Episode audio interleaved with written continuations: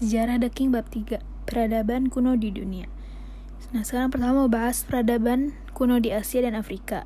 Yang pertama adalah peradaban lembah sungai Indus di India Yang ada 2500 sebelum masehi. Ciri-cirinya itu ada di kota tertua India yaitu Mohenjo-Daro dan Harappa. Penduduk Mohenjo-Daro dan Harappa ini adalah bangsa Dravida. Nah, mereka ini berkulit hitam, postur tubuhnya pendek, dan rambutnya keriting.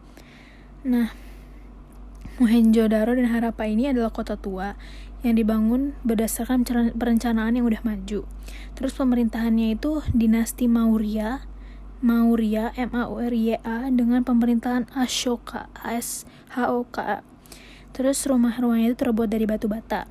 Jalan rayanya lurus dan lebar. Saluran airnya juga udah bagus dan hubungan dagang antara Mohenjo-daro dan Harappa sama Sumeria. Mereka tuh berhubungan dagang. Nah, di abad ke-16 sebelum Masehi, bangsa Arya bangsa Arya itu pengembara. Mereka tuh datang ke India secara bergelombang. Terus mereka menetap di dataran rendah Sungai Gangga dan Sungai Yamuna. Nah, karena kedatangan bangsa Arya ini, akhirnya penduduk asli itu jadi golongan manusia yang paling rendah. Atau bisa dibilang kasta sudra. Nah, pembagian kasta oleh bangsa Arya ini tuh supaya nggak ada percampuran antara penduduk asli sama bangsa Arya. Nah, kasta ini dibagi jadi empat. Yang pertama Brahma, yaitu para pendeta. Terus Ksatria, yaitu raja dan tentara. Nah, tentara ini Arya gitu ya. Terus um, Waisya ini pedagang dan pengusaha. Terus Sudra, yaitu guru dan petani. Terus juga ada golongan Parya, yaitu golongan tanpa kasta yang sangat hina dan menyedihkan gitu jadi paling parah nah kebudayaan dan kepercayaannya jadi setelah bangsa Arya atau bangsa Indo-Jerman ini datang jadi uh, kebudayaan ini ada Hindu dan Buddha. Nah kita mau bahas kebudayaan Hindu duluan. Ciri-cirinya untuk mengenal kasta tadi Brahmana, Ksatria, Waisya, dan Sudra. Terus ada kepercayaan bangsa Arya adalah Hindu. Kitab sucinya Weda. Nah, dewa tertinggi agama Hindu ini adalah pertama Brahma. Brahma ini dewa pencipta. Yang kedua ada Wisnu sebagai dewa pemelihara dan ketiga ada Siwa sebagai dewa penghancur. Terus ada falsafah Hindu namanya Upanishad. Dia tuh ngebahas hubungan antara Brahma dan Atman. Brahma ini sumber kesucian, kalau Atman ini adalah manusia. Nah, yang kedua ada kebudayaan Buddha. Ciri-cirinya bersifat monoteisme gak mengenal kasta dan kepercayaannya ya adalah Buddha gitu. Terus berkembang pesatnya itu saat masa pemerintahan Raja Asoka sampai menyebar ke Sri Lanka, Tiongkok, Jepang, Thailand, Kamboja, dan Indonesia. Kitab sucinya namanya Tripitaka. Nah, kita mau bahas kasus sastraannya. Kasus sastraan India yang terkenal itu kisah Mahabharata dan Ramayana, isinya tentang perang antara Pandawa dan Kurawa. Sekarang kita membahas peradaban lembah Sungai Gangga pertama pusat peradabannya dulu ya yang dibahas. Jadi lembah Sungai Gangga ini ter, uh, terletak di antara pegunungan Himalaya dan pegunungan Windya Kedna.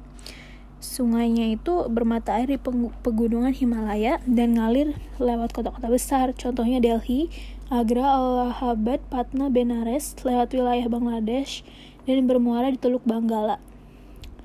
Nah, Sungai Gangga ini bertemu dengan Sungai Kwanlun jadi sungai Gangga ini subur banget ya lembahnya. Nah, pendukung peradaban lembah sungai Gangga ini adalah bangsa Arya yang termasuk bangsa Indo-Jerman tadi. Mereka tuh datang dari daerah Kaukasus dan nyebar ke arah timur antara tahun 2000 sampai 1500 sebelum Masehi lewat celah Khyber di pegunungan Himalaya. Mereka tuh adalah bangsa peternak, hidupnya mengembara terus. Tapi waktu uh, berhasil ngalahin bangsa Dravida di lembah sungai Sindu dan menguasai daerah yang subur mereka akhirnya bercocok tanam dan hidup menetap karena kan udah sukses gitu ya maksudnya kayak udah bisa ngalahin nah habis itu mereka juga menduduki lembah sungai Gangga dan terus mengembangkan kebudayaan Nah, mereka uh, sebenarnya pada dasarnya tuh peradaban kehidupan bangsa Hindu tuh udah tercantum di kitab suci Weda. Weda ini artinya pengetahuan dan juga ada dalam kitab Brahmana dari Upanishad. Nah, ketiga kitab itu jadi dasar kehidupan orang-orang Hindu. Kitab Weda ini adalah kumpulan dari hasil pemikiran para pendeta. Nah, para pemikiran pendeta itu dibukuin sama resi atau pendeta biasa. Kitab Weda itu ada empat bagian. Yang pertama Reg Weda, isinya syair-syair pemujaan ke dewa-dewa. Kedua ada Sama Weda untuk nyanyian-nyanyian untuk memuja dewa-dewa. Terus ada Yayurveda, itu tuh isinya bacaan-bacaan untuk keselamatan.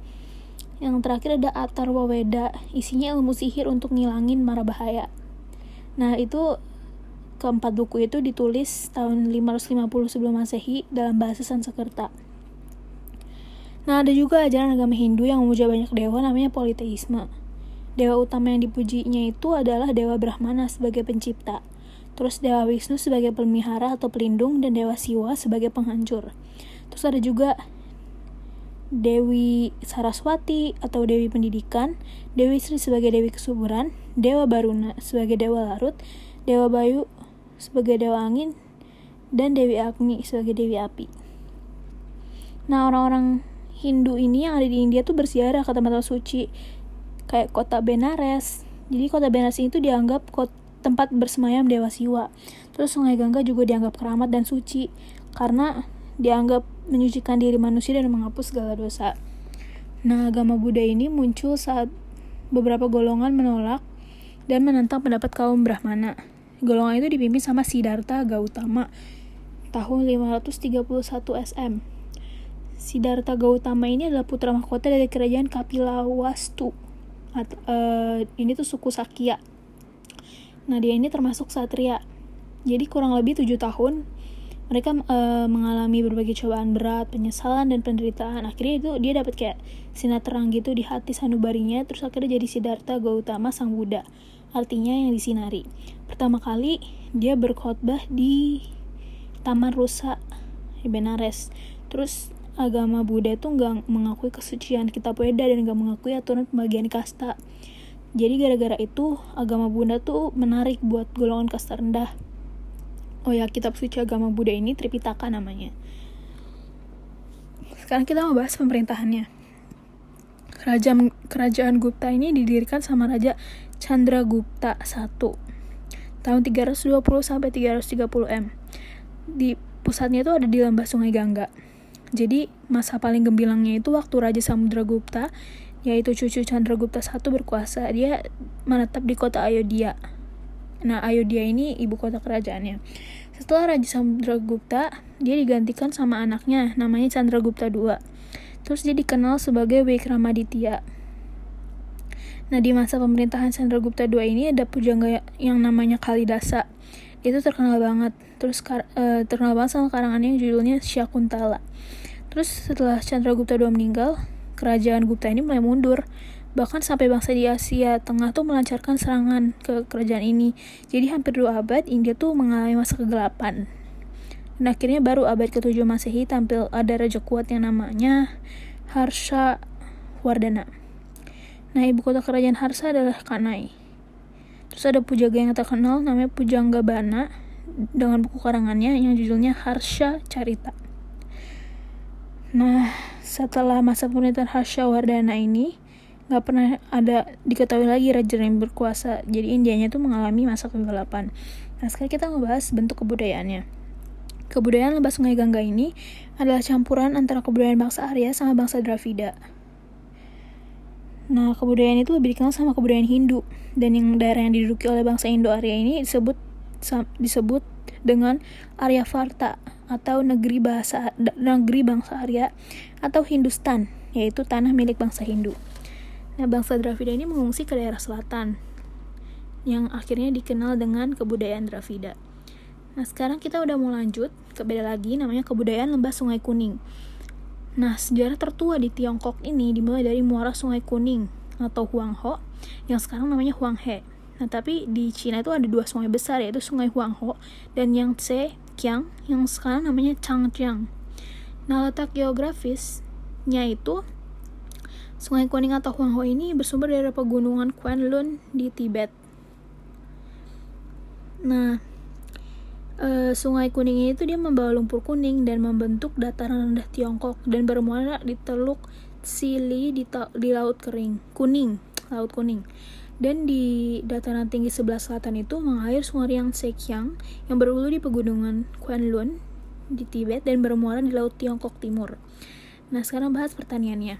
Jadi, daerah subur itu masyarakat itu bercocok tanam, contohnya menanam gandum, padi, teh, jagung, dan kedelai.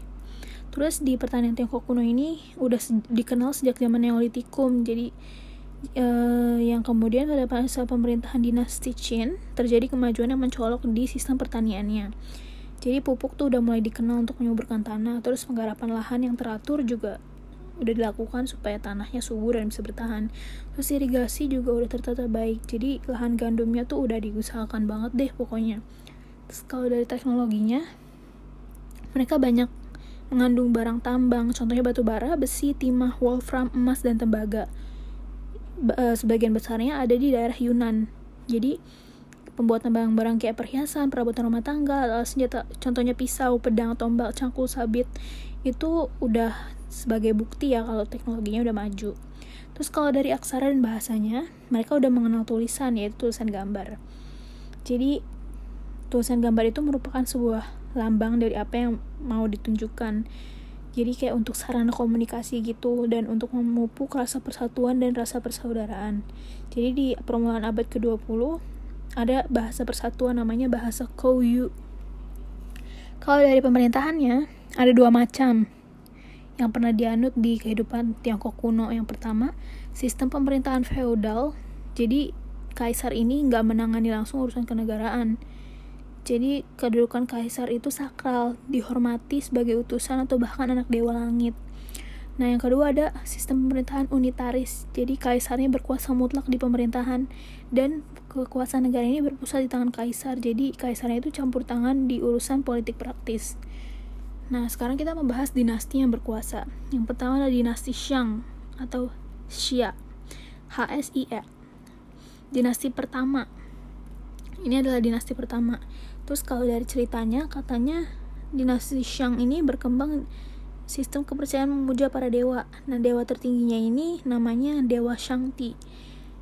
Dinasti Shang ini berakhir tahun 1766 SM terus diganti sama dinasti Yin di tahun 1700 sampai 1200, 1027 SM. Nah, yang kedua ada dinasti Chou. Nah, ini tuh adalah dinasti ketiga yang berkuasa di Tiongkok. Terus ada muncul tokoh filsafat nih di zaman ini, perannya penting.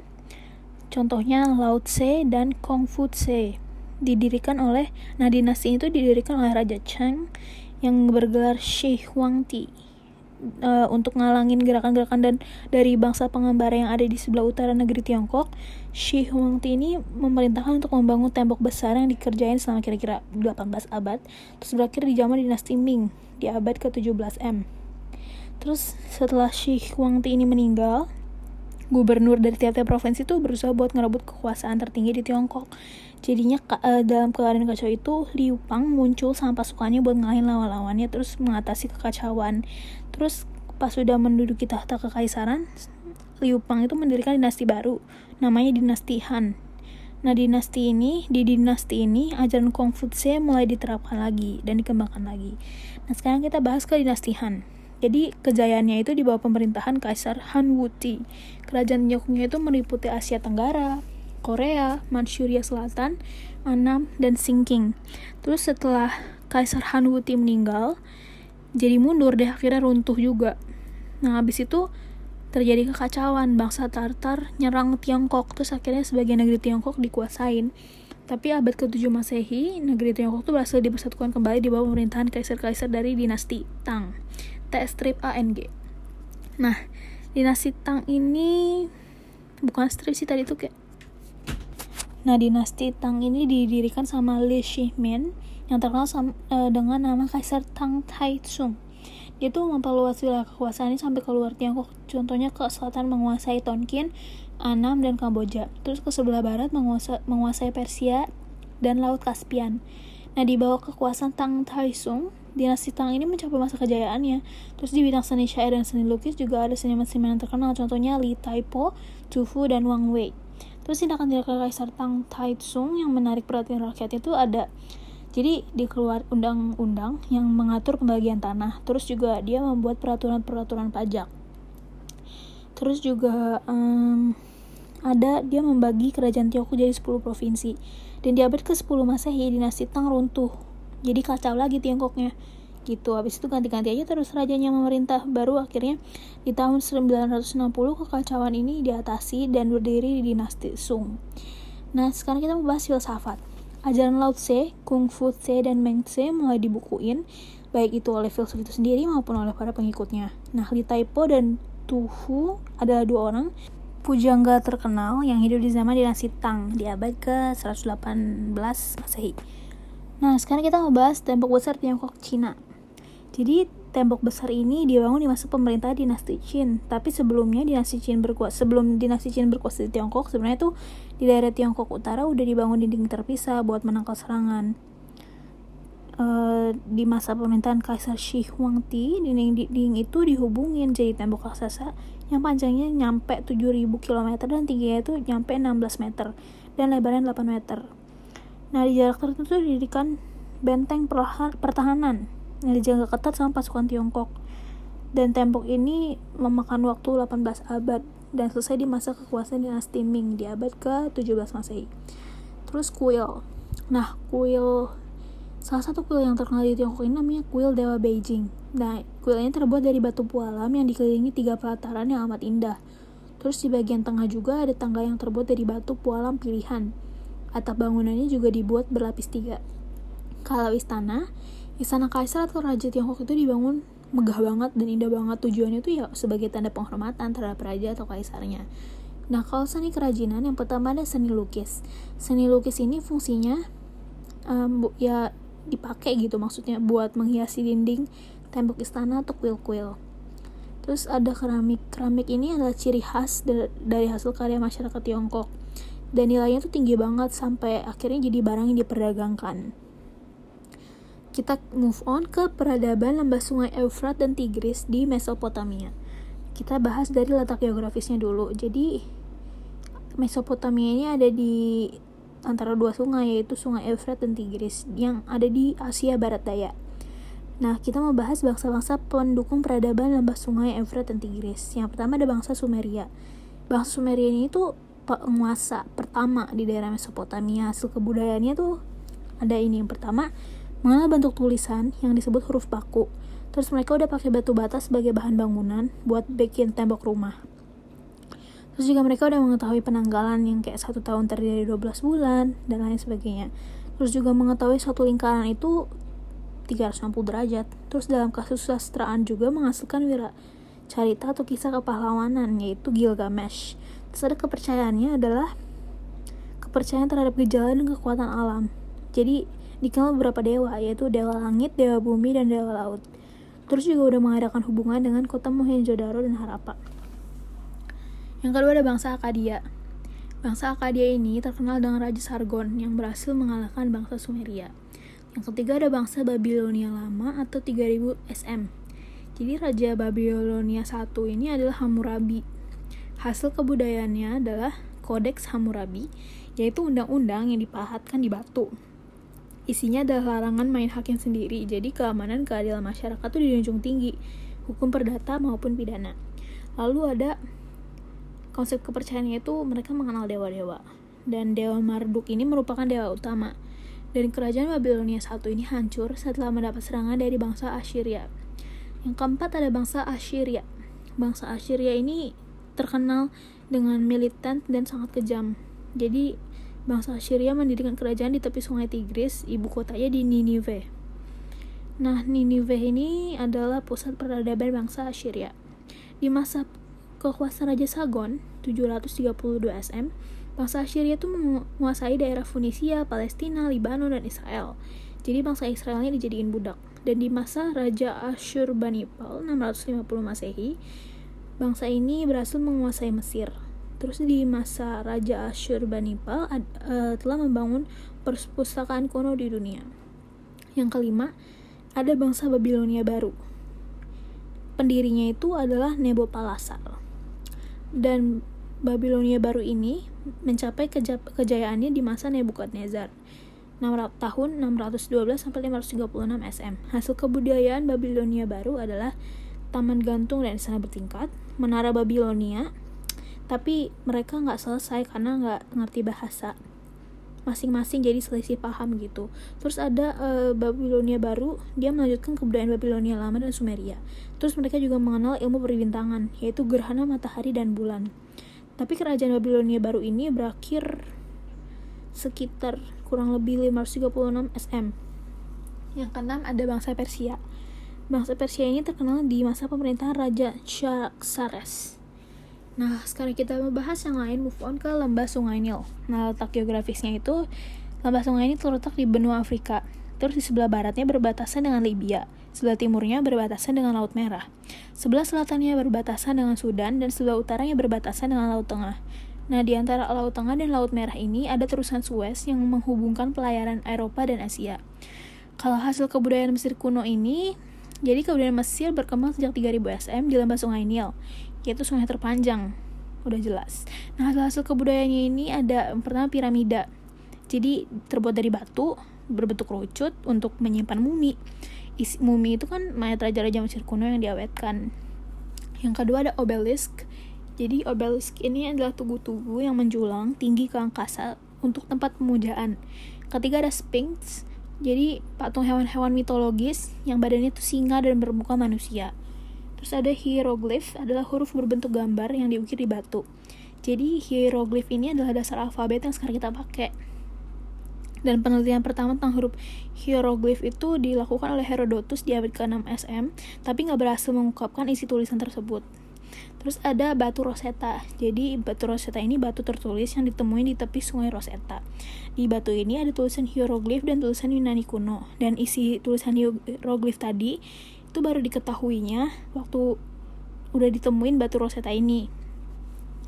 Nah, Mesir ini merupakan satu-satunya pusat kebudayaan tertua di benua Afrika yang berasal dari tahun 4000 SM.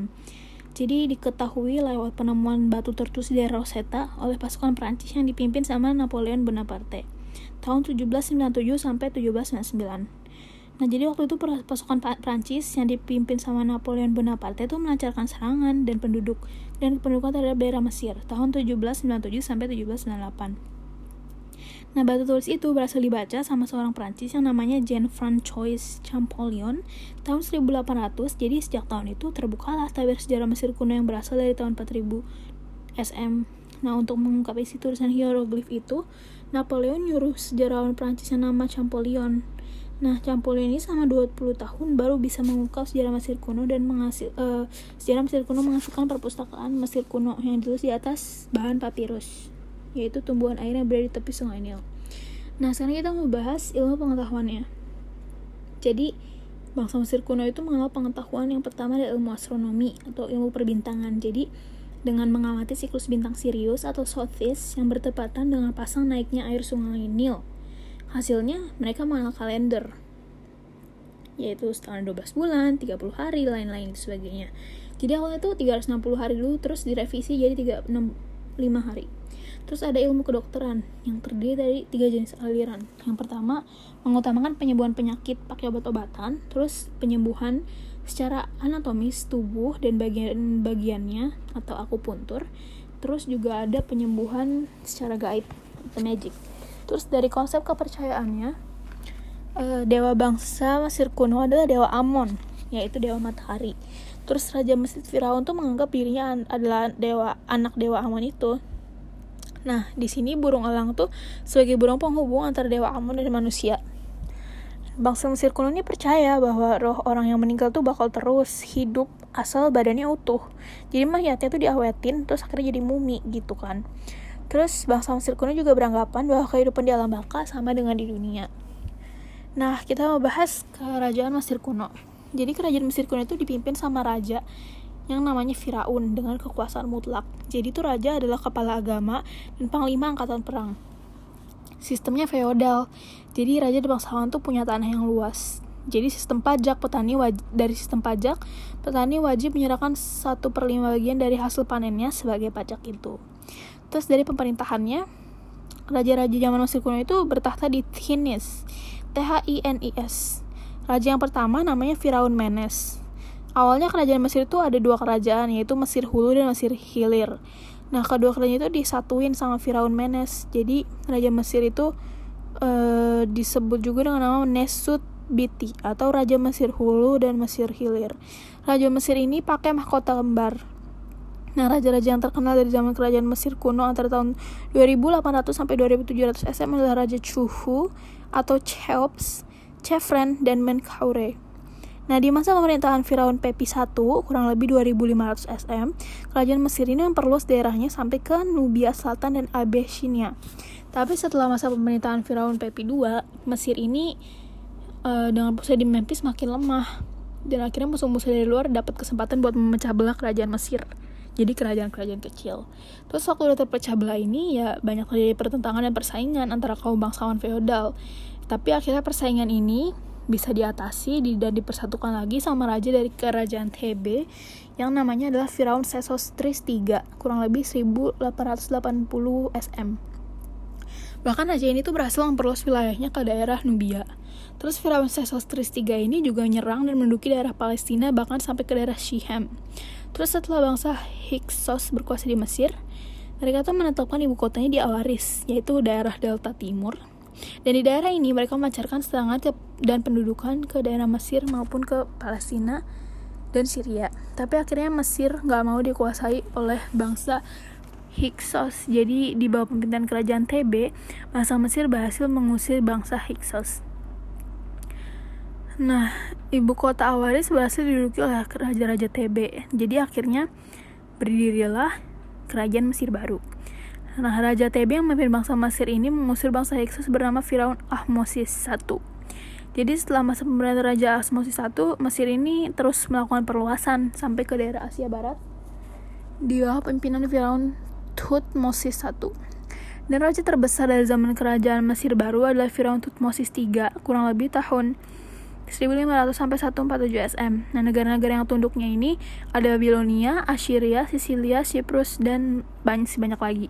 Terus setelah Raja Tutmosis III ini meninggal, dia diganti sama Firaun Amenhotep II. Nah, pengganti Raja Amenhotep II inilah Firaun Tutmosis IV. Jadi buat tetap mempertahankan wilayah kerajaan yang luas itu, akhirnya Firaun Tutmosis IV tuh menjalin persahabatan sama raja-raja sekitarnya, contohnya sama Firaun Mitanni dan Babilonia. Terus juga persahabatan ini diperkuat uh, persahabatan dengan Firaun Mitanni ini karena uh, ada perkawinan Firaun Tutmosis IV dengan putri Firaun Artatama. Jadi setelah Firaun Tutmosis meninggal, ia digantikan oleh Firaun Amenhotep IV. Nah, di masa pemerintahan Firaun Amenhotep IV muncul kepercayaan baru yang sifatnya monoteisme. Nah, tindakan Amenhotep IV ini tentang sama para pendeta dari agama Amon. Nah, untuk menghindari terjadinya pertentangan itu, dia memindahkan ibu kota ke Firaunan dari TB ke Al-Amarna. Nah, dengan meninggalkan Firaun Amenhotep IV, para pendeta dari agama Amon dapat merebut kembali kekuasaannya. Akhirnya menantu dan pengganti Firaun Amenhotep IV yang bernama Firaun Tut Ankh Amon terpaksa tunduk kepada pendeta-pendeta agama Amon di TB. Nah, di bawah pemerintahan Firaun Tut Ankh Amon, kerajaan Firaun ini mengalami kemunduran dan akhirnya terpecah belah. Nah, tapi di bawah pemerintahan Firaun Haremheb, kerajaan Firaun Mesir berhasil bersatukan kembali. Salah satu keturunannya itu yang terkenal adalah Firaun Setos I orang Yunani sih nyebutnya Sesostris. Nah terus selanjutnya di bawah pemerintahan Firaun Ramses II, kerajaan Mesir itu diperluas lagi ya, sampai akhirnya menguasai seluruh wilayah Palestina dan mengalahkan bangsa Hittite yang mengacau di Asia Barat. Firaun Ramses II ini diganti sama Firaun Ramses III, dan setelah Firaun Ramses III meninggal, Mesir mengalami kemunduran, bahkan beberapa kali dikuasai oleh bangsa asing. Nah, kalau dari kepercayaannya, Mesir kuno ini percaya dan memuja banyak dewa atau politeisme. Dewa-dewanya itu adalah dewa Osiris sebagai dewa tertinggi, dewa THOT, Thoth, dewa pengetahuan, dewa Anubis sebagai dewa berkepala anjing, sebagai dewa kematian, lalu ada dewa Apis yang berwujud sapi, terus ada dewa Ra, yaitu dewa matahari, dan kemudian menjadi dewa Amon-Ra, yaitu dewa bulan matahari. Nah, Mesir kuno itu runtuh karena ada perselisihan antara golongan agama dan raja di masa Parau Akhenaton tahun 1500 SM. Jadi semenjak terbunuhnya Parau Akhenaton, kerajaan Mesir kuno tenggelam dari kejayaannya. Jadi mereka tuh dapat banyak serangan juga dari bangsa-bangsa lain. Contohnya bangsa Hittite, Persia, Yunani, Arab, Romawi, Turki, Inggris, dan Prancis. Nah, itu udah di sana tadi Asia dan Afrika. Sekarang bahas peradaban kuno Eropa dan Amerika. Pertama ada peradaban Yunani. Peradaban uh, Yunani ini terletak di sekitar Laut Tengah yang sangat strategis dalam pelayaran. Terus juga bangsa Yunani ini terbentuk dari percampuran bangsa pendatang dari Laut Kaspian dan penduduk asli yang terdiri dari petani. Terus ada polis-polisnya itu, uh, polis adalah kelompok-kelompok kota yang ada di masa Yunani kuno. Dibagi jadi Athena, Sparta, dan Thebe. Polis Athena ini tuh tahun 450 sampai 404 SM. Di masa ini tuh kehidupan dalam, dalam masyarakat demokratis, bebas berpikir, dan berkarya. Jadi para ahli pemikiran yang ada di zaman itu adalah Socrates, Plato, Aristoteles, dan Herodotus. Terus yang kedua Polis Sparta tahun 404 SM. Jadi memerintah secara militer dan kekerasan. Terus yang ketiga ada Polis TB sekitar 371 SM.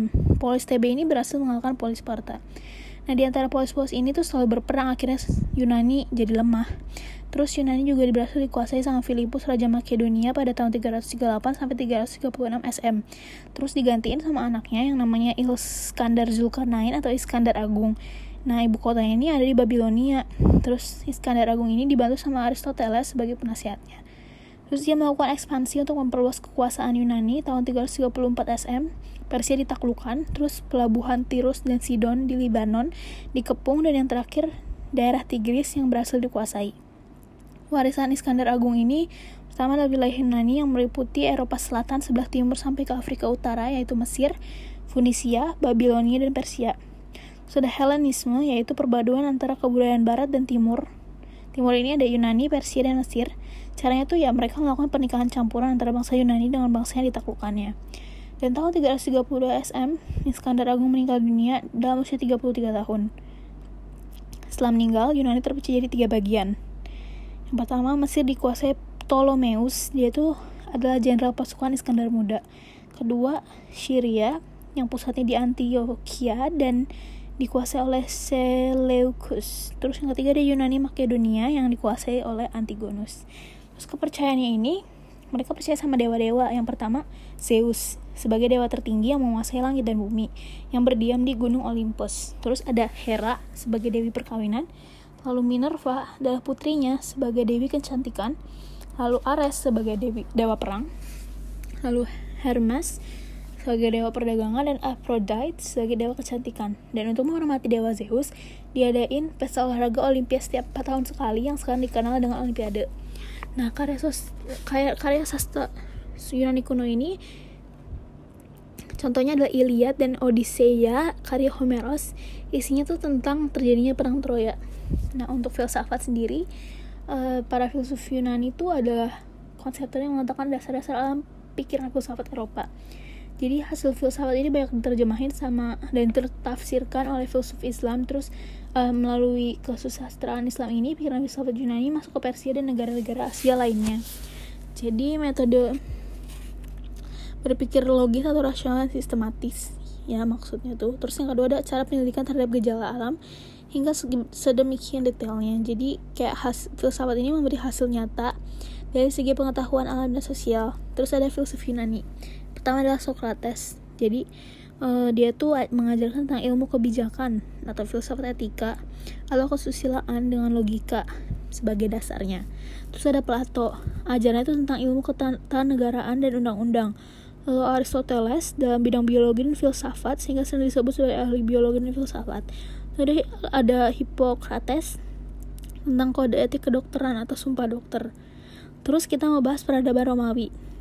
Romawi ini adalah tempat kuno Eropa yang jadi sumber kebudayaan barat dari letak geografisnya dulu ya kita bahas. Jadi uh, Romawi ini terletak di semenanjung Apenina yang sekarang disebut Italia. Terus sebelah baratnya laut yang memisahkan Italia dengan Prancis. Sebelah timur berbatasan laut dengan Yugoslavia. Sebelah utara semenanjung Apenina bersambung dengan daratan Eropa yang terdapat pegunungan Alpen sebagai batas alam yang memanjang. Di sebelah selatan, ini tuh misahin Italia dengan Swiss dan Austria. Terus perkembangan sejarah Romawi. Yang pertama adalah zaman kerajaan tahun 1000 sampai 510 SM. Di masa ini, semenanjung Apennin itu dihuni sama bangsa pendatang dari Laut Kaspia. Sedangkan di bagian selatannya dihuni oleh bangsa Funisia dan Yunani. Nah, di antara itu tuh ada percampuran sehingga melahirkan bangsa Romawi. Nah, kata Roma ini didirikan menurut Virgilius dalam karyanya Aeneas. Kota Roma didirikan 1754 SM, jadi didirikan oleh Romulus, anak Aeneas dan Lavinia, putri Latinus, yaitu raja negeri Latinum yang telah membunuh saudara kembarnya Remus. Nah, kerajaan Roma ini diperintah seorang raja yang merangkap sebagai panglima perang dan hakim tertinggi. Jadi waktu menjalankan pemerintahannya raja ini dibantu sama senat yang terdiri dari 300 orang golongan patricier atau bangsawan. Nah, jadi Roma ini menjadi negara republik pada saat dikuasai oleh kaum bangsawan atau aristokrasi. Yang kedua ada zaman republik tahun 510 sampai 31 SM. Di masa ini Roma itu berbentuk republik, pemerintahan dijalani dua orang konsul yang dipilih sama rakyat. Terus ada dewa yang terdiri senat yaitu golongan bangsawan dan dewan perwakilan rakyat yang sebagian besar kaum bangsawan dan hanya empat orang golongan rakyat biasa. Yang empat orang ini punya hak veto.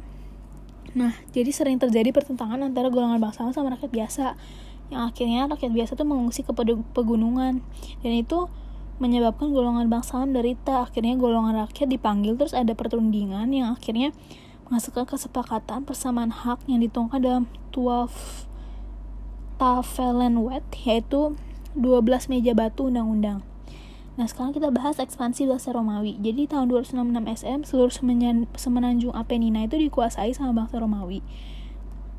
Nah, terjadilah perang Kartago Romawi karena Romawi pengen memperluas wilayahnya ke Laut Tengah yang dikuasai sama Kartago, yaitu Tunisia, yang merupakan koloni bangsa Funisia. Jadi perang pertama itu terjadi di tahun 264 sampai 241 SM. Romawi berhasil menguasai Sisilia, sedangkan Pulau Sardinia dan Korsika dikuasai Kartago.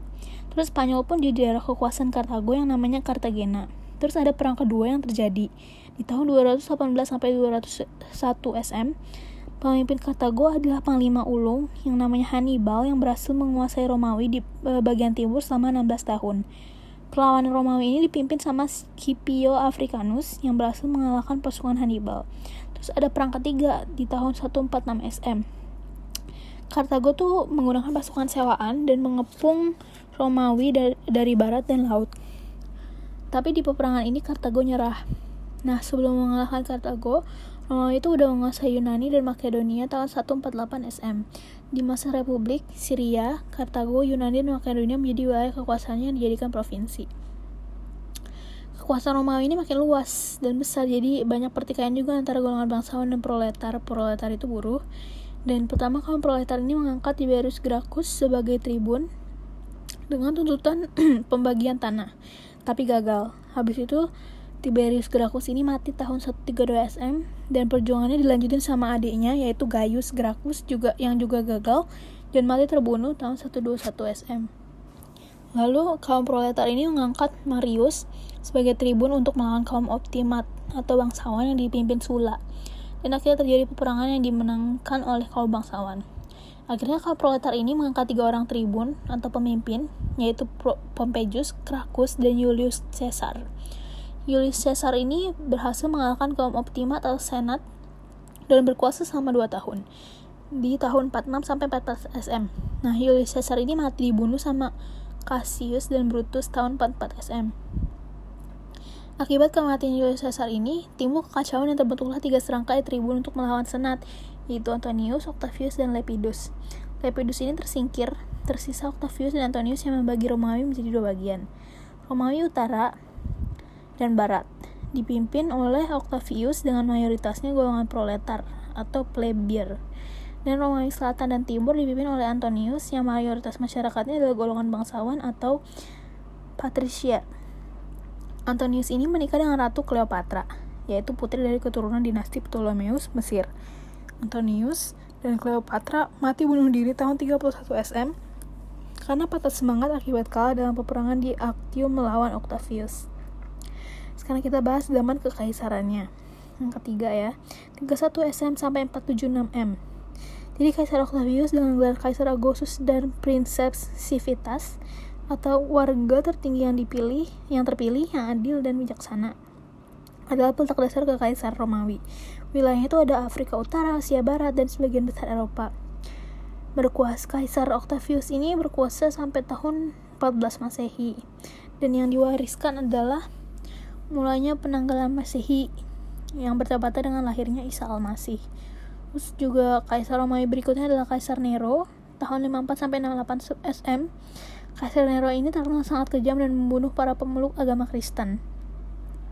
Yang ketiga juga ada kaisar-kaisar uh, uh, Romawi yang lain. Yang pertama adalah Kaisar Caligula yang terkenal dengan kekejamannya Terus ada Kaisar Vespasianus tahun 69 sampai 79 Masehi yang terkenal karena penindasannya terhadap bangsa Yahudi di Palestina. Sehingga bangsa Yahudi terusir dari negerinya dan menyebar ke penjuru dunia. Lalu ada Kaisar Hardianus, Konstantin Agung, dan Theodosius. Dan di masa Theodosius ini Romawi dibagi jadi dua, yaitu Romawi Barat, Romawi Barat dengan ibu kotanya Roma, dan Romawi Timur dengan ibu kotanya Konstantinopel. Nah, Romawi Barat ini jatuh tahun 14 uh, 476 Masehi oleh Odoaker, seorang panglima tentara sewaan Jerman. Romawi Timur jatuh tahun 1453 Masehi ke tangan Turki dan berubah menjadi Konstante Istanbul. Nah, hasil kebudayaan Romawi ini adalah perpaduan antara kebudayaan Yunani kuno dan Romawi, antara lain Nama-nama dewa yaitu dewa Zeus diganti Jupiter, Aphrodite diganti Venus, Ares diganti Mars. Lalu nama-nama bulan Januari sama dengan Janus, Februari yaitu Februa, yaitu pesta makan menyambut tahun baru dan angka-angka Romawi. Lalu September yaitu SMP atau 7, Oktober adalah Okto atau 8, dan pada zaman Julius Caesar urutan bulan diubah karena dia pengen masukin namanya yaitu Juli sama dengan 7. Jadi begitu juga masa Octavianus Agustus sama dengan 8 sehingga menjadi kekacauan pada urutan bulan yaitu September sama dengan 9, Oktober sama dengan 10 dan seterusnya. Nah, organisasi negara dan kemiliteran, pendidikan, kesenian, filsafat, ilmu pengetahuan, dan hukum atau Codex Justianus juga merupakan peninggalan kebudayaan Romawi dan Yunani. Nah, kita mau move on ke peradaban Inca, Maya, dan Aztec di Amerika. Mulai dari topografinya dulu. Benua Amerika ini terdiri dari tiga bagian yaitu Amerika Utara, Tengah, dan Selatan. Amerika Utara ini iklimnya kutub dan sedang. Kalau Amerika Selatan iklim, iklim sedang, sedangkan Amerika Selatan, Tengah, Kepulauan Laut Karibia dan Meksiko beriklim tropis. Penduduk benua penduduk asli benua Amerika ini adalah bangsa Indian dengan peradabannya Aztec, Maya, dan Inca. Inca. Nah, pertama peradaban Inca. Jadi kerajaan Inca ini terletak di Peru, tepatnya di sekitar Danau Titicaca Caca, dekat pegunungan Andes. Pendirinya adalah Manco Capac tahun 500 Masehi. Wilayah kekuasaannya adalah Bolivia, Chili, Brazil, dan Ekuador. Terjadi pada masa Raja Sinchiroka. Nah, Raja Sinchiroka ini adalah pemersatu bangsa Indian dan tiap wilayah itu diberi hak otonom yang disebut Ailu. Ailu. AYLLU. Hasil kebudayaannya adalah bangunan-bangunan istana megah yang terbuat dari batu. Kepercayaannya sama dewa-dewa, dan dewa yang disembah itu ada dewa Viracocha yaitu dewa pencipta alam dewa matahari dewa bulan dewa bumi dan dewa laut terus mayat suku Inca tuh biasanya diawetin yaitu mumi mata pencarian mereka adalah hasil pertanian dan berburu serta menangkap ikan. Terus peradaban Maya. Kerajaan Maya ini terletak di Meksiko Selatan dan Amerika Tengah. Kalau wilayah kerajaan Maya ini meliputi semenanjung Yucatan yaitu Meksiko Honduras dan Guatemala. Dan kebudayaan Maya ini mereka udah mengenal tulisan huruf hieroglif dan mata pencarian pokoknya adalah pertanian. Terus mereka juga udah mengenal ilmu astronomi, jadi ada sistem kalender. Berdasarkan peredaran matahari yang merupakan satu tahun sama dengan 365 hari. Terus ada sistem kalender berdasarkan kepercayaan yang satu tahun sama dengan 260 hari. Terus ada teknologi tinggi yaitu mampu membuat bangunan kuil yang tinggi dan tingkat 229. Terus kepercayaan suku Maya ini memuja banyak dewa atau politeisme seperti dewa laut dan dewa matahari. Lalu yang terakhir adalah peradaban Aztec. Kerajaan Aztec ini berdiri sekitar tahun 1298 Masehi dan mencapai puncak kejayaan tahun 1450 Masehi. Kerajaan Aztec itu hancur setelah datangnya bangsa Spanyol, dengan raja terakhirnya adalah Montezuma II. Pusat kerajaan Aztec ini ada di daerah semenanjung Yucatan, Meksiko. Hasil kebudayaan suku Aztec ini ada kuil berbentuk piramida yang tengahnya berlubang untuk memasukkan kurban. Kurban itu emas dan perak. Terus ada konsep kepercayaannya menyembah dewa-dewa dan ditemukan patung di kota Veracruz yang beratnya 30 ton sebagai perwujudan dewa utama yang disucikan. Terus mampu mengusahakan tambang emas dari perak. Dan suku Aztec ini setiap 52 tahun sekali mengadakan upacara besar-besaran yang dipusatkan di Hall of the Star, ibu kota kerajaan Aztec. Begitu.